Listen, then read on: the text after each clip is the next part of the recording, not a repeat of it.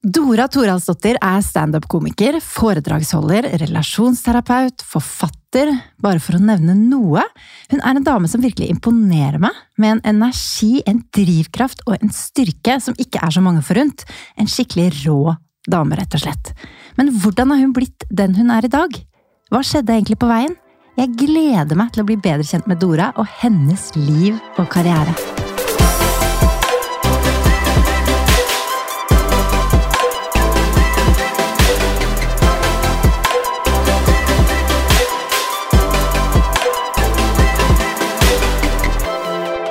Hjertelig velkommen. Tusen takk! Det er så stas å bli introdusert som en eller annen sånn mega Wow, tenk at du er her! Og så, Jeg får nesten lyst til å snu meg og tenke sånn Hæ, hvem er, er det meg? Ja. Det er jo deg. ja, det er veldig stas. Jeg går ikke rundt og tenker sånn Her kommer jeg! Det burde du. Jo, altså, jeg, jeg har ikke noe, Det er ikke noe sånn komplekser eller noe sånt. Det er mer bare at jeg, jeg syns det var veldig hyggelig intro. Så Ja. bra. God start. Ja, Og så tror jeg at det der sier litt om at det er kanskje litt uvanlig å drive med flere ting parallelt. Fordi eh, veldig mange har én ting de jobber med, og så har jeg flere. Og det er ikke så vanlig, og da blir det på en måte mer sånn spesielt, på en måte. Og så er det jo ikke bare bare å være familieterapeut, liksom. Du har tatt en egen utdannelse innenfor det. Ja da. Ja. I tillegg til alt andre du gjør, ikke sant? ja, ja, ja. Men for meg så har det jo Jeg har jo vært Jeg har drevet med flere ting parallelt så lenge, så, så det er ikke så spesielt for meg, da. Men uh, det er veldig hyggelig å være her. Hvordan har du det om dagen? Jeg har det, altså. Helt. 2021 har vært mitt år. Eh, virkelig. Eh, eh, altså, jeg traff mannen i mitt liv i april og kjøpte superfint hus i mai. Og så ble jeg fridd til 1. august, og så hadde jeg premiere på nytt show som gikk kjempebra, eller går kjempebra, i september. Eh, og så kjøpte vi tomt i november på hytte som vi skal bygge, og fant den hytta vi vil ha. Eh, så, så jeg føler at det, det, er, det er ikke mer å gratulere nå. Nå føler jeg Det kommer ikke noe graviditet opp i alt dette her, heldigvis. Det skal jo nesten ikke være mulig, så, dette her. så det er liksom alt på, på kort tid. Så jeg går egentlig litt rundt og bare tar inn over meg at uh, det, det har vært mye høsting, og nå er det veldig mye Nei, nå har det vært veldig mye såing i mange år, og nå er det høsting. Så deilig. Ja, for du møtte deilig. mannen i ditt liv ganske sånn eh, Det kom ganske bardust på. Ja, det var i pandemi. Eh, nå er vi jo tilbake igjen, men eh, i april så var det jo veldig stusslig å være singel, rett og slett. Og så ble jeg anbefalt en På Facebook så har de sånn datinggreie. Da kan du se venners venner, ikke dine venner, men ja. Og han ble anbefalt den samme appen. Altså Vi gikk inn samme dag og matcha og teksta masse, masse, masse i tre dager, og så møttes vi, og så bare eh, gikk vi mot hverandre og begynte å kline. Men hva er det man så er det- matcher på da, egentlig? Er det interesser? Eh, Eh, nei, altså det var jo, nei, det blir jo litt som Tinder på en måte, at du tar til høyre Ja, du liker. jeg vet ikke hvordan det funker. Nei, hvis du, du liksom, det er den samme sånn svapp, sånn ja Ja, og du nei. sveiper av gårde. Sveiper, ja. Men, liker, eh, liker. ja. Eller liker ikke. Men jeg ikke. så han, og så så jeg 1,94, bodde i Tønsberg, hadde barn, jobba med det han driver med. 1,94 høy. Ja, Ja, du sånn er en av av dem, ja. Ja, ja. Du så etter det. Nei, ja, det, var ikke, det var ikke så utslagsgivende, det men, men det var bare flere av tingene. Men så syns jeg han hadde så så nydelig ut, og så, og, så, og så bare smalt det så innmari. Og jeg visste ikke at det gikk an å ha kjærlighet ved første blikk, men det Jeg så han på lang avstand. Vi skulle gå tur, for det var det eneste man kunne gjøre da. Så skulle vi møtes på Bragernes torg i Drammen, for han kom fra Tønsberg, og jeg hadde vært på jobb i Oslo. Så skulle vi møtes i, Tøns nei, i Drammen sentrum. Så møttes vi på Bragernes torg, og det hadde akkurat regna. Så begynte, slutta det å regne akkurat når vi skulle møtes, så solen kom da. Og så var det ingen mennesker, for det var både pandemi og at det hadde regna. Så det var ingen mennesker på et svært torg. Og så sto han helt nederst, og så parkerte jeg oppe ved kirka og gikk ned mot han. Og mens jeg gikk, så tenkte jeg det er han. Det det er han. Og det han tenkte idet han så at jeg kom ut av bilen, var der er kona mi. Så gikk vi mot hverandre, og så begynte vi å kline. Og så vært sammen siden. Men det er jo helt Ja, tenk at det går an! Ja, det er helt jeg, jeg, Hadde noen fortalt det, så hadde jeg vært litt sånn Næ, er det Ja. Ja, Men så opplevde jeg det selv, så da vet jeg at det er sant. Helt så fantastisk. veldig hyggelig. Mm, det samme på første date. Ja, det skal ikke være mulig. Nei, jeg vet det. Men det var bare Det sa bare pang, og så har det vært det siden. Ja. Så det er hyggelig. show, Ja. overganger. Og det Ja. handler om overgangsalderen, rett og slett. ja. Hva Eh, syns kjæresten din om, eh, om det showet? Det som er litt deilig med Jan Tore, som han heter, det er at han er egentlig ikke så veldig opptatt av hva jeg jobber med. Han er veldig opptatt av meg, åssen jeg har det, og hva som driver meg, og alt mulig sånn. Men jeg kunne også ha solgt frø i en nettbutikk. Men han er mye mer opptatt av meg som person. Jeg vet det høres litt klisjé ut. Men uh, han bare 'Å ja, du driver med standup'. Jeg har vært på ett standupshow jeg, i 95 med Tommy Steine. Ok. Er det Eh, litt befriende, eller? ja, så han vet ikke hvem noen av kollegaene mine er, og har ikke noe forhold til Han har vært og sett, han var på premieren, og da jeg var i Tønsberg, var han der med hele familien og masse venner og sånn, så Og han syns det er kjempekult gjort, liksom. Og han visste jo ingen, ingenting av vitsene, og det han syntes var gøyest i showet, er det mest sære, kanskje. For jeg snakker om at eh, i musikk, Vi hadde musikk, vi hadde litt sånn tilbakeblikk på 80 Hvem er vi som skal inn i overgangsalderen? Og da har jeg litt sånn tilbakeblikk på hva vi vokste opp med. Blant annet musikk, og da hadde vi så mye fokus på blokkfløyte. Og er det ikke litt fascinerende at i Norge så finnes det ikke ett blokkfløytetalent? altså, det er har, rart når alle har spilt nå, det har vært tvangsrekruttering i alle år, og ingen har plukka opp det instrumentet. Det syns han var det gøyeste showet, og det er en humrevits. Men det syns jeg også var veldig gøy. Det var veldig artig å komme på. Ja, men eh, Ja, takk. Men eh, nei, så han, eh, han backer meg veldig, men, men han er ikke noe opptatt av det. Er ikke, det er ikke noe viktig, på, på en måte. Og det er veldig deilig. Samme hva som ting går på jobb, så står han der. Men du har jo nettopp en imponerende karriere bak deg, og har, som Jan Tore sikkert burde visst enda mer om. Eh, men det er jo bra at han er opptatt av deg som person, da. Men jeg tenkte jeg skulle gå gjennom eh, din Wikipedia-side, rett og slett. Ja, Er du klar for det? kjør på! Dora Toralsdottir, født 1973 i Reykjavik, er en norsk standup-komiker, foredragsholder og familieterapeut. Toralsdottir er utdannet lærer, journalist og familieterapeut. Hun begynte med standup i 2000 og drev med det på fulltid frem til 2004. Hun ble i den tiden annet nominert til Årets nykommer på Komiprisen i 2003 og nominert til Ståprisen i 2002. Hun sluttet med standup for å begynne på familieterapistudier, og i 2006 startet hun sammen med sin mor EQ Institute. EQ Institute tilbyr alternativ behandling individuelt og i grupper, terapiutdanning, EQ-barnehager, foredrag og kurs. EQ Institute er etablert i Oslo, Stavanger og Bergen.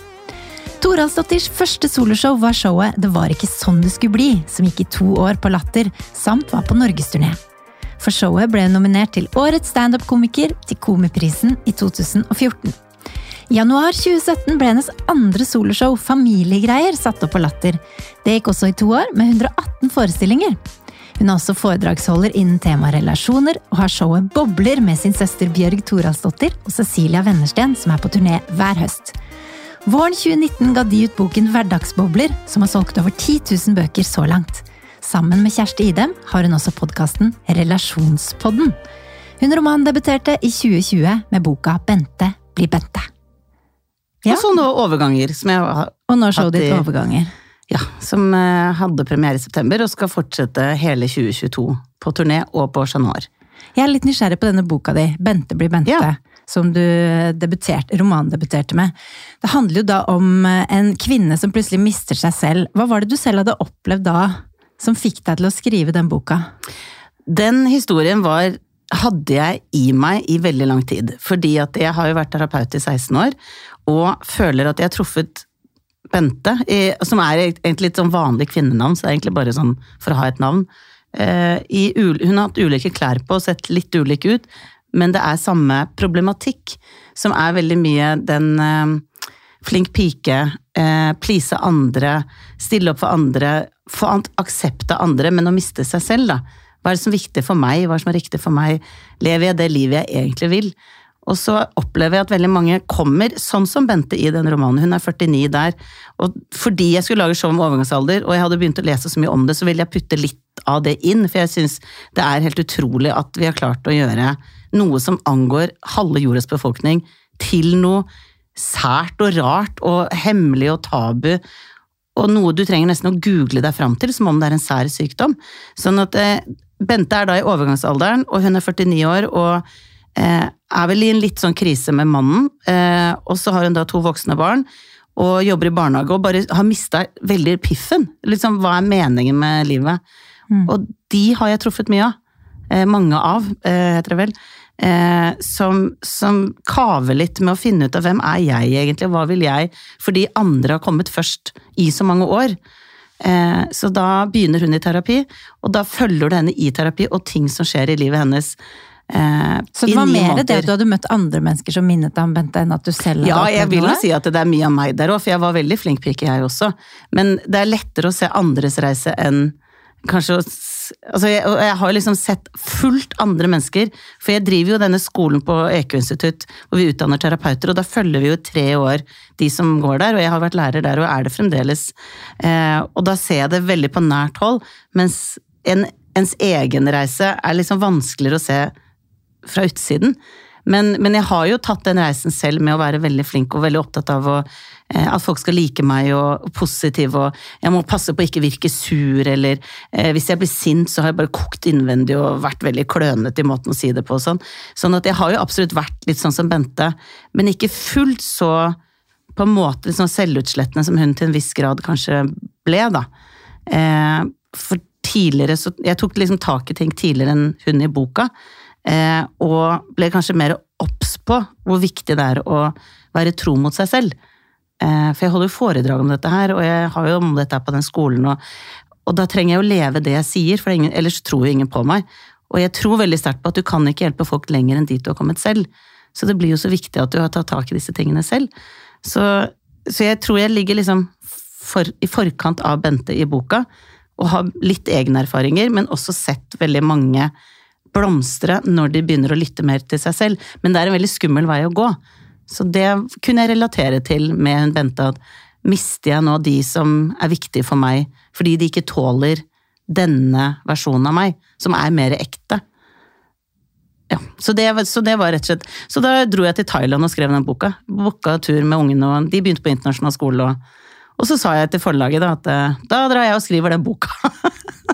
og så skrev jeg den boka. Det hjalp jo litt at det var pandemi, da. Det å ha tro på seg selv, jeg har veldig inntrykk av at du uh, har det. At Mm. du har vært, og ikke minst vært tro mot deg selv. I hvert fall mitt inntrykk, sånn sett fra utsiden. Og da tenker jeg sånn, for å forstå meg litt på uh, deg, og liksom uh, hvordan du har turt å ta de valgene du har tatt, så vil jeg skru tiden litt tilbake til Reykjavik i 1973. For der blir du født. Mm. Men så flytter dere til Norge allerede når du er to år. Mm. Hva husker du av oppveksten din på Island? Er det noe glimt i det hele tatt? Det er ikke de to første årene, det eh, har jeg ikke noe minner fra. Eh, Men vi flytta jo da fordi pappa gikk på ingeniørhøgskolen, og så skulle han ha sånn påbyggingsår, eh, og da var det i Bergen. Så han tok med seg kona si og to barn, og var da Hvor gammel var han da? 23? Så det er jo ganske sprøtt når jeg tenker på hvor unge de var.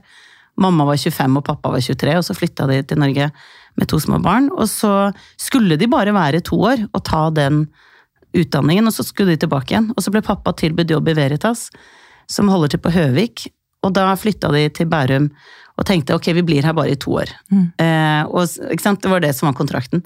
Og så fikk han to år til, og så trivdes de jo veldig godt, og mamma hadde liksom På den tiden så jobbet hun som styrer da, i barnehage, og så begynte hun å studere etter hvert. Så da måtte de bli litt lenger fordi hun tok hovedfag, og så, og så bare ble det litt sånn. Og sånn er det jo med veldig mange, har jeg inntrykk av. At det er mange som flytter til et sted, og så skal de bare være der litt, og så, bare, så går tiden, og så etablerer man røtter etter hvert, og trivsel og ja. Så, så planen var egentlig bare å være fra 1975 til 1977, og så sitter vi her 50 år senere omtrent. Men du levde to år på Island, men har jo allikevel da islandske foreldre og Ja. besteforeldre og i det hele tatt. Hvordan tror du du er preget av eh, dine islandske aner? Jeg tror jeg er preget veldig mye mer enn man skulle tro, fordi når man vokser opp i ett land, så skulle man tro at de si, verdiene og kulturen påvirker mest. Men jeg vil faktisk påstå at den islandske kulturen har prega meg veldig veldig mye, fordi sant, foreldre påvirker jo mest. Og jeg har jo islandske foreldre som er veldig islandske i sin væremåte. Det vil si at eh, jeg tror det er fordi at det var så hardt værmessig på Island, og er fremdeles, så har det jo vært en kultur på at hvis man ikke står på, så, så dør folk. Ikke? Hvis, ikke, du, hvis du ikke får inn gress om sommeren, så dauer alle sammen. Det er veldig sånn hardhet i å stå på, jobbe, eh, og det er en veldig sånn fremhevet egenskap å stå på som en veldig, veldig positiv ting. Eh, det fins veldig mange måter å si stå på. I Norge så er det stå på. Mens liksom, det er veldig mange måter å si det på på islandsk, som sier litt det òg. Mens latskap blir sett på som forferdelig dårlige ting. Sånn at eh, for meg så har jeg vokst opp da med pappa som etter hvert ble gründer. Han starta sitt eget firma da jeg var tenåring. Og så gikk det bare noen år, og så tok mamma familieterapiutdanning og starta for seg selv. Så jeg hadde jo gründerforeldre som alltid har jobba mye og eh, hvis de har vært syke, så har de liksom vært veldig sånn, da riste det av seg. sånn, ja ja, men man kan være forkjøla og gjøre en innsats og liksom eh, Fremelsket veldig men det både med å jobbe mye, men også det å gå sine veier. Det er veldig, sånn, veldig islandsk, det også. Så det var veldig naturlig at de ble gründere, begge to, har jeg inntrykk av. Og så har de heiet det veldig hos oss også, som har jo ført til at alle tre døtrene jo, går jo sine egne veier også.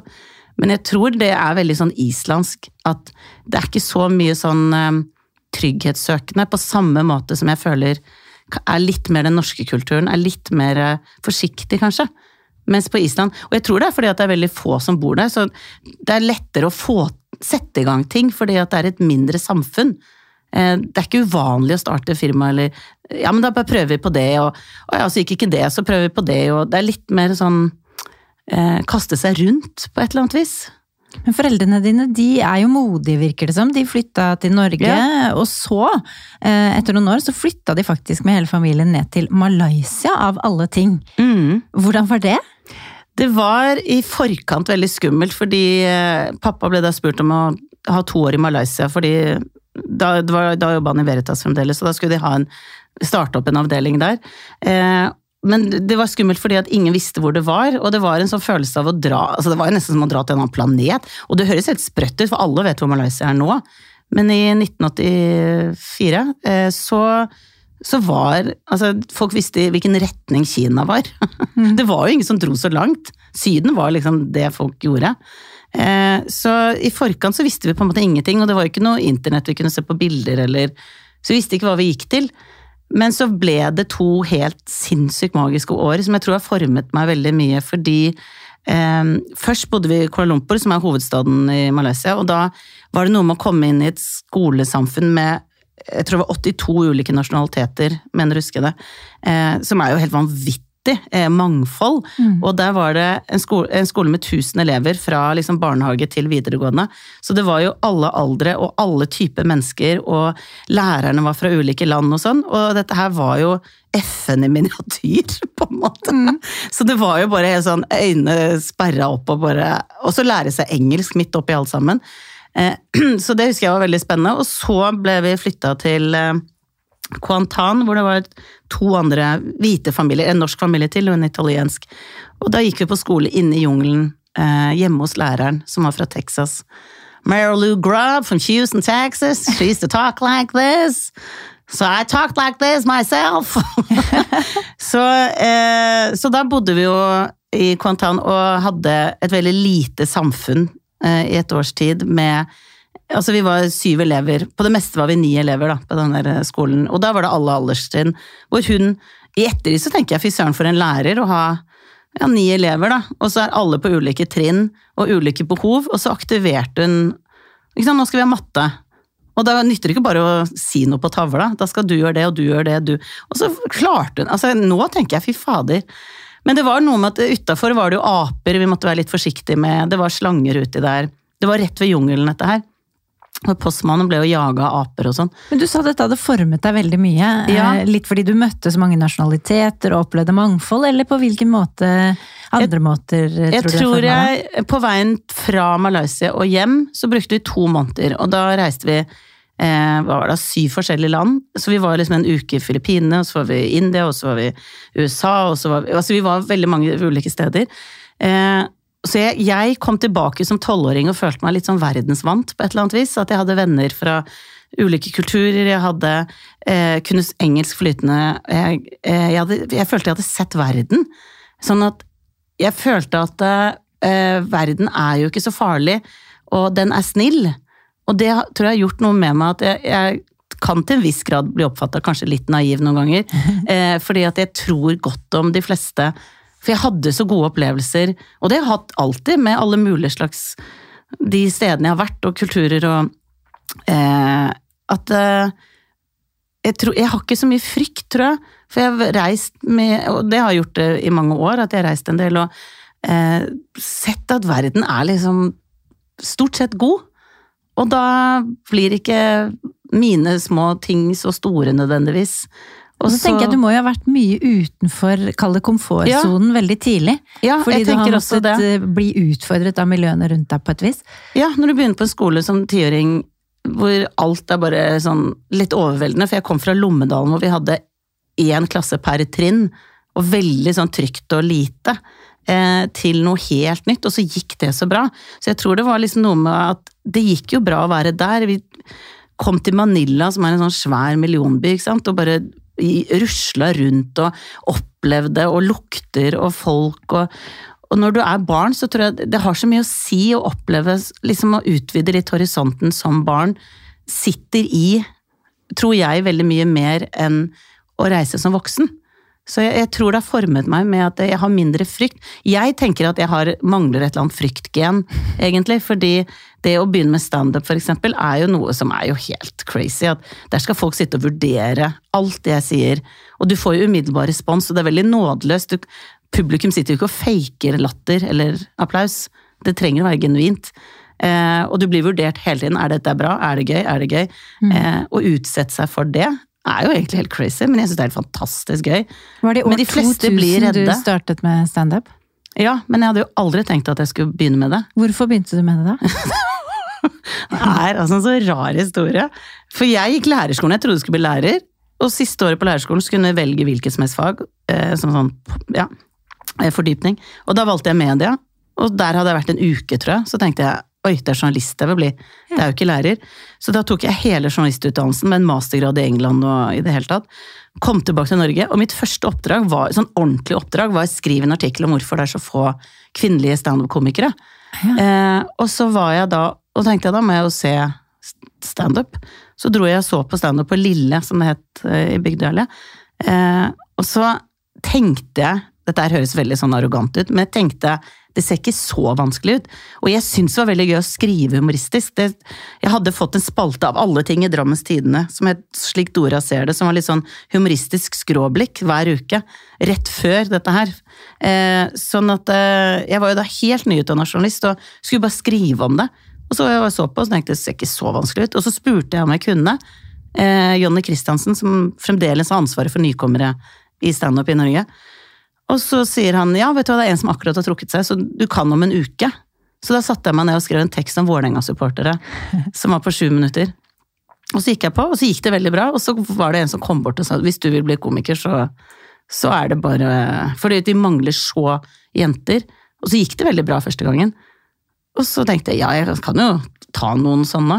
Og så ble jeg det fullstendig uten en plan. Eller jeg har aldri ytra et ønske om det. Jeg har, ikke tenkt tanken. Så det var veldig rart. Altså Jeg har jo åtte års studielån som jeg var ferdig med i juni. Jeg har brukt 20 år på å nedbetale studielån jeg aldri har hatt bruk for. og, så, og så ble jeg standup-komiker, og var det i fire år, selv om det aldri var planen. Du er jo fortsatt det. Ja, men så var jeg borte i ti år. For jeg slutta i 2004, for jeg ble litt lei av å underholde fulle folk. Og så hadde jeg lyst på familie, og jeg var jo sammen med en komiker. Så tenkte jeg dette her er jo ikke Ja. Sånn at da Og så ringte jeg mamma og var så interessert i det hun drev med. Så tenkte jeg det er jo den retningen jeg vil gå.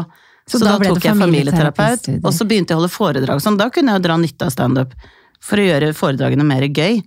Eh, men jeg var borte i ti år og hadde ikke tenkt i det hele tatt å komme tilbake igjen. Jeg tenkte det var en veldig gøy tid, men, men jeg er ferdig med den tiden, liksom. Og så ble det slutt med Jon, og, og så satt jeg hjemme, husker jeg. Det gikk veldig fort. Eh, Det ble slutt med Jon i januar, og jeg husker at jeg satt i februar og tenkte det var jo ikke sånn det skulle bli. Her sitter jeg i et leid hus med to barn, jeg fyller 40 om et halvt år. Og så tenkte jeg den setningen, det var ikke sånn det skulle bli. Jeg skulle være mer vellykka, det skulle være mer på stell. Jeg skulle ha dritgod råd, jeg skulle ha ikke sant? Alle disse tankene om den. Og så slo det meg at det er jo egentlig veldig bra materiale for standup. Alle disse drømmene som jeg ikke ble. Og så satte jeg meg ned og skrev, og jeg trodde ikke jeg skulle, dette skulle settes opp. Jeg hadde ikke gjort standup på ti år, ingen som forbandt meg med det i det hele tatt. Og så skrev jeg et standup på kveldstid når ungene hadde lagt seg, fordi jeg hadde jo drevet og lest eventyr for dem, ikke sant, og tenkt sånn hva er det med eh, Snøhvit og alle disse prinsessene som skal bli redda hele tiden, og drømmen er bare å få en fin kjole og Så jeg hadde jo tenkt litt sånn i standup-baner, og Elias sitt rom var bare stappfullt av sånne superhelter og kjempesterke. eh, Og Kaptein Sabelen Det var ikke én vanlig person inni atmosfæren der, men det var tanker jeg hadde som var litt i standup-verden. Sånn at det å sette meg ned og begynne å skrive et show om det var ikke sånn det skulle bli, ble veldig lett, for jeg hadde jo egentlig tenkt veldig mye Så det var veldig mye småbarnshumor, da. Men hva levde du av samtidig som du skrev det Nei, showet? dette gjorde gjør jeg på kveldstid, og så hadde jeg det firmaet mitt hvor vi utdanna terapeuter og Ja. terapier og sånn, og foredrag om hvordan møte barn så de får god selvfølelse og sånn. Sånn at jeg slutta ikke med det, men jeg skrev dette showet på kveldstid da ungene hadde lagt seg, og det gikk søren meg på tre måneder. Så hadde jeg skrevet et show, eh, for jeg var så veldig motivert, og det gikk så lett, og det var veldig gøy. Og så ringte Elina Kranz i Stand Up Norge, så sa jeg hei, jeg har skrevet et show, jeg har vært standup på ti år. Jeg hadde jo ikke snakket med henne på ti år heller, jeg. Eh, hei, det er Dora.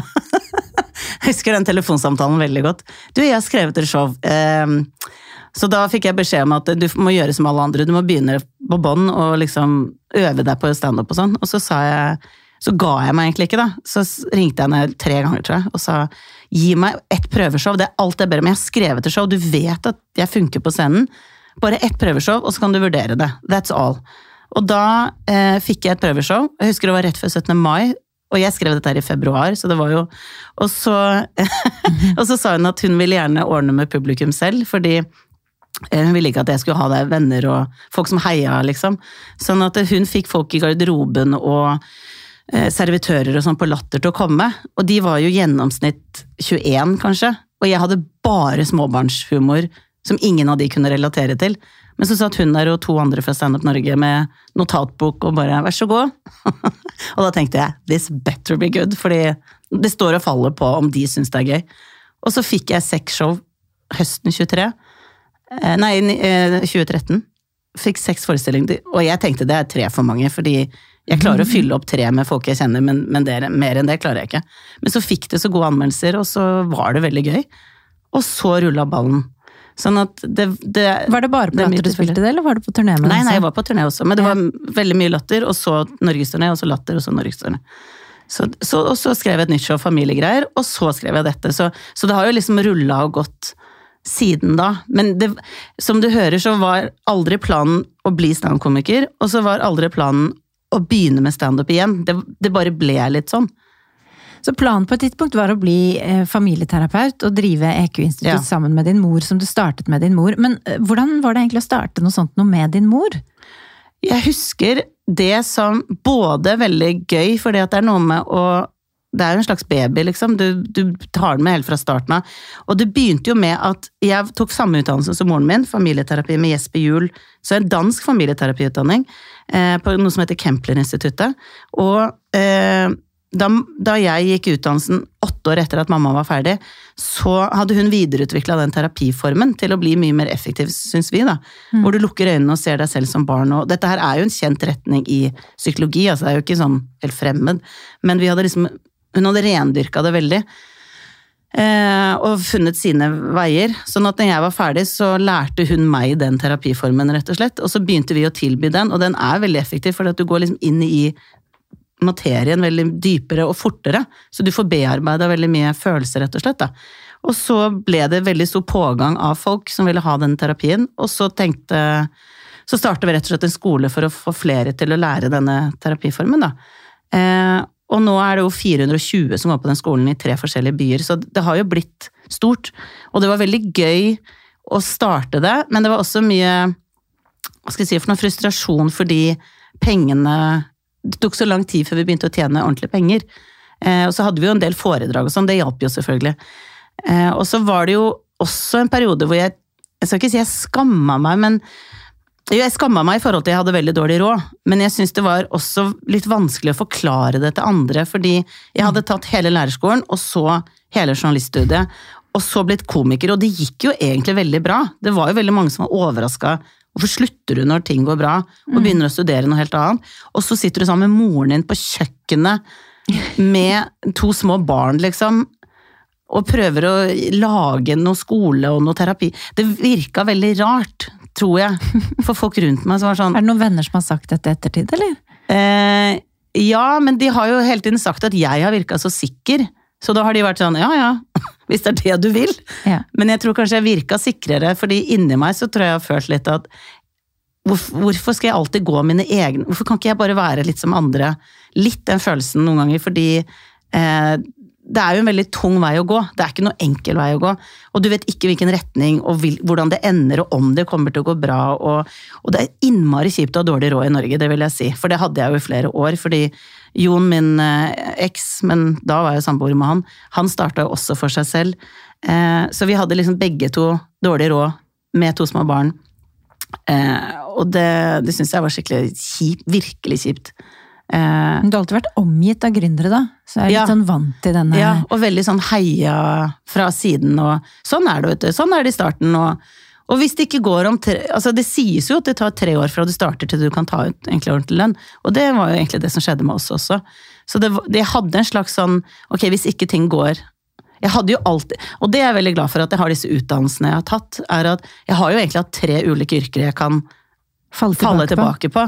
Og det har føltes veldig trygt at jeg kan alltid søke om en vanlig jobb, men så har jeg ikke ønska det. Og jeg har jo til dags dato aldri hatt en vanlig jobb. Bortsett fra da jeg studerte, så var jeg litt servitør, da, men det Men jeg har bare gått mine egne veier hele veien. Og det er, det er jeg veldig stolt av, men, men det krever også at du i perioder tåler å ha veldig mye uvisshet. Vet ikke om du får betalt de regningene du har. Eh, men det jeg syns er gøy, er at når du åpner en dør, da, så, så kommer det ting du ikke regna med at skulle komme fordi du har åpna den døren. Og hvis du ikke hadde gått den veien, så vet du ikke hva som kunne ha blitt. Og det er den jeg er veldig glad for, at de dørene som har vært mulig å åpne, har jeg åpna og gått inn i, og ikke liksom safa. For det har jo blitt til at jeg elsker å ha foredrag, og det har jeg. Jeg elsker å ha relasjonspodden. Jeg elsker å ha show. Eh, Jeg liker veldig godt, jeg er jo lærer på den skolen. I morgen og fredag er jeg jo lærer der, eksempel. Sånn at eh, jeg har eh, Jeg gjør bare ting jeg syns er veldig givende. Men det kommer ikke av seg selv. Det er Hva mye er, jobb. det, hva er det da som driver deg til enhver tid? I faser som er litt tyngre? At jeg har denne driven, lysten til å få det til. Jeg hadde lysten til å få opp et firma med en terapiform som jeg tror virkelig på. Det er, det er magi å være med på det. Så det å gi terapier og merke at folk får det mye bedre, eller lærer bort det andre eh, Dette showet om overgangsalder tenkte jeg åh, er man on mission, nesten? Og det føler jeg at eh, jeg har jo, dette er mitt tredje soloshow. Første showet handla om at eh, vi glorifiserer veldig mye den småbarnsperioden. Eh, jeg gjorde narr av f.eks. For forsiden av bladet Mamma, for da var det en dame som løp på stranda med et barn og lo i bikini, og alt så så fresht ut. Og så hadde jeg en sånn Dette var før Celeste Barber. Eh, så da hadde jeg liksom min egen forside, og da var det et barn med is, og det var bare søl, og, og jeg var litt sånn småtjukk, og, og alt på halv tolv, liksom, og sånn helt utslitt, liksom. Det er jo sånn det er. Det er ikke den der modellen som låner et barn og er uthvilt og holder oppe en eller annen unge og ser happy ut. Det er ikke sånn at jeg bare følte at det var så mye jeg følte var viktig å si om at det er jo litt sånn eh, følelsen av å miste seg selv, eh, litt sånn derre kål og kaos og litt sånn Har andre det såpass uh, rotete, liksom, eh, i livet, på alle vis? Og det, det følte jeg var liksom viktig å si. Det var noe med den der ærligheten på åssen det egentlig er. Og det var derfor showet gikk så bra også. Var at Ja, veldig mange følte det. fått veldig god respons på det. Ja, at det var sånn åh, endelig en som eh, eh, belyser den siden. Og det føler jeg var litt Jeg skal ikke si at jeg var i forkant, for det, var, det har jo vært mer ærlighet om småbarnstid. Men det var mye glorifisering, syns jeg, da jeg fikk barn. Den fødselen, at det skulle være så magisk. Det var så mye sånn Å, dette her blir så supert. Og så syns jeg ikke det. Eh, og det syns jeg ikke fremdeles. Jeg syns det er den tøffeste tiden av livet, er småbarnstid. Eh, og det snakkes for lite om. For det, det er det press på å skulle være så happy eh, uka etter at du er født, eksempel. Men i hvert fall så, så da følte jeg jeg hadde liksom en mission der, og da driver det meg. Og så driver det meg å nå ut til flere med den terapiformen. Eh, og det hjelper, når jeg er på relasjonspodden nå, eh, snakke om hva folk kaver med, og normalisere ting, for veldig mange tror de er alene. Og det er den jeg tror kanskje mest av alt. Den derre at du er ikke alene. For nå har jeg vært inne i det hemmeligste rommet til så mange kvinner og menn i 16 år. Jeg vet hva så mange kan med. For et privilegium egentlig å få lov til å komme inn i det mest private. For du er både terapeut og du underviser, Ja. men du har jo også da, som du nevner nå, relasjonspodden med Kjersti Idem, hvor dere får spørsmål fra lytterne Mm. om ulike ting i, som har med relasjoner og mellommenneskelighet å gjøre. Eh, Hva er det som går igjen mest da? Du sier du vet så godt hva folk kaver med. Hva er det folk haver aller mest med? Det folk, og nå kan jeg si kvinner, for det er kvinner har lettere for å be om hjelp, sånn at jeg vil jo si at flertallet av de som både skriver inn og de som kommer i terapi, er kvinner. Og det er de jeg kanskje er mest opptatt av, egentlig. Eh, rett og slett for at jeg har mest sånn kontakt med kvinner, da. Eh, men det er lav selvfølelse, uten tvil. Dette her må ikke ha så høye tanker om seg selv, for det slår ut i så mange ulike former. Sånn at hvis noen skriver inn og sier at de hater jobben sin, eller at de sliter med at eh, de har havna inn i et sånt kjønnsrollemønster fra 1950, og, men jeg syns det er så vanskelig å si det til mannen min. Og, eh, så det å ha lav selvfølelse, det gjør at ikke du tør å være ærlig om dine grenser og behov, for du tror innerst inne at ingen er så interessert i de. Eh, hvis du finner deg i f.eks. å ikke trives på jobben, eller eh, du tar valg for deg selv som ikke er så bra, og står ikke opp for deg når du føler deg tråkka på eller misforstått eller ting ikke er bra, da, så, så svelger du altfor mange kameler. Og det igjen fører liksom til med så mye frustrasjon og fortvilelse. Så derfor vil jeg si at i bunn ligger denne dårlige selvfølelsen som et egentlig veldig stort jeg vil nesten si et samfunnsproblem, fordi det, det får så store konsekvenser når vi ikke er snille med oss selv. Men tror du dette gjelder først og fremst kvinner, eller er det fordi kvinner først og fremst søker terapi og sender inn spørsmål til eh, en podkast som Relasjonspodden? Ja, det som er at det er blitt forska på skam, og hos menn så er den største skamtriggeren sårbarhet, det å virke svak. Så for en mann å komme i terapi, så er det en mye større terskel enn kvinner, mens kvinner syns det er ganske naturlig at å ja, nå sliter jeg med det, kanskje jeg må få hjelp, mens en mann vil, vil gå mye dyp, eller være mye mer kritisk gjerne, hvis de kommer i terapi, for det koster så mye å be om hjelp, da. Eh, sånn at det, der er det liksom dette her med hvor mange er det som kommer i terapi, menn kontra kvinner, en egentlig naturlig årsak til det. Men jeg tror også at i forhold til selvfølelse så er jenter generelt oppdratt til, og det, nå tenker jeg liksom mange generasjoner tilbake, på at vi har levd i et sånn eh, patriarkalsk samfunn, hvor menn har vært viktigere enn kvinner. Eh, og vi er jo faktisk oppdratt til det i alle mulige sammenhenger, det er bare at det er litt sånn skjult. Eh, ikke skjult, da, men vi, vi snakker ikke så mye om det. Eh, sånn at veldig mange jenter opplever jo at f.eks. bare ta et klasserom, da, at jenter skal bråke mye mindre før de blir irettesatt enn gutter. Gutter slipper mye lettere unna. Det er liksom Gutter er gutter, sånn er det jo bare. Mens jenter blir generelt oppdratt til å være flinke, snille, greie. Når de er søte, medgjørlige, så føler de seg mer elsket. Mens gutter har litt mer plass på Hvis de er sinte, så er de sinte. Hvis jenter er sinte, så er de bitch. Så er de vanskelige, så tar de for mye plass. Demp deg. De får vite mye kjappere at eh, din plass er litt smalere her. Eh, Så i debatten født sånn eller blitt sånn, så er du, heller du litt mot blitt sånn i ja. stor grad? At du blir oppdratt til eh, Fordi at vi higer så mye etter kjærlighet, så hvis vi Og nå snakker jeg også om min egen erfaring, at jeg følte meg mer elsket når jeg var snill og grei å ha med å gjøre, enn når jeg var vanskelig i anførselstegn, eller sa nei, eller eh, Som har gjort at jeg som voksen syns i forhold til det du spurte om Bente blir Bente-boka, hun er jo ganske dårlig på å uttrykke sinne, eksempel. Og det var mitt store problem også, at hvis jeg var uenig, så hadde jeg ikke fått øvd meg som barn. Jeg hadde ikke fått trent meg på å slå litt med dørene og, si nei, og, eh, fordi at eh, jeg følte meg litt avvist da. Eh, og derfor er jeg så opptatt av å snakke med foreldre om å tåle barns følelser. Du tåler ikke det de gjør nødvendigvis. Jeg vil ikke at du mm, kaster den der. Men jeg skjønner at du er sint. Hva er det som skjer? At du er mer sånn tolererer Det er greit at du føler det du føler, men jeg syns ikke alt du gjør er greit. Det er to ulike ting. Du skiller sak og person. Ehm, nå sklei jeg helt ut, nå husker jeg ikke hva du spurte om engang. Du har jo en mor som faktisk kom eh, i voksen alder til dere barna og sa at Ja. eh, jeg ønsker å si unnskyld for eh, måten jeg har oppdratt dere på, rett og slett. Ja. Hva Nei, hun tok jo den familieterapiutdanningen og skjønte jo at Hun er jo prega av sin oppvekst, selvfølgelig. Og skjønte at eh, den måten jeg har oppdratt barna på, har vært veldig autoritær. Og det vil si at eh, det er betinget kjærlighet. Når du gjør noe som er riktig, så føler du deg elsket, og avvist hvis ikke. Og så skjønte hun at dette her har jo ført til at de blir jo veldig det som heter ytrestyrt, veldig opptatt av å please andre og få aksept for andre. Så, så hennes måte å gjøre det på var da å si til oss at eh, jeg vil gjerne at du forteller meg det som har vært vanskelig for deg, de gangene jeg har såret deg, de gangene du ikke har følt at jeg har hørt på deg eller tatt deg på alvor. Eh, fordi at da tenker jeg at du får det bedre ved at jeg tar imot og ber om unnskyldning, og at vi kan liksom rydde opp, sånn at vårt, vår relasjon er ren. At ikke vi drar med oss gamle historier og gammel irritasjon og eh, frustrasjon over ting jeg har gjort og sagt.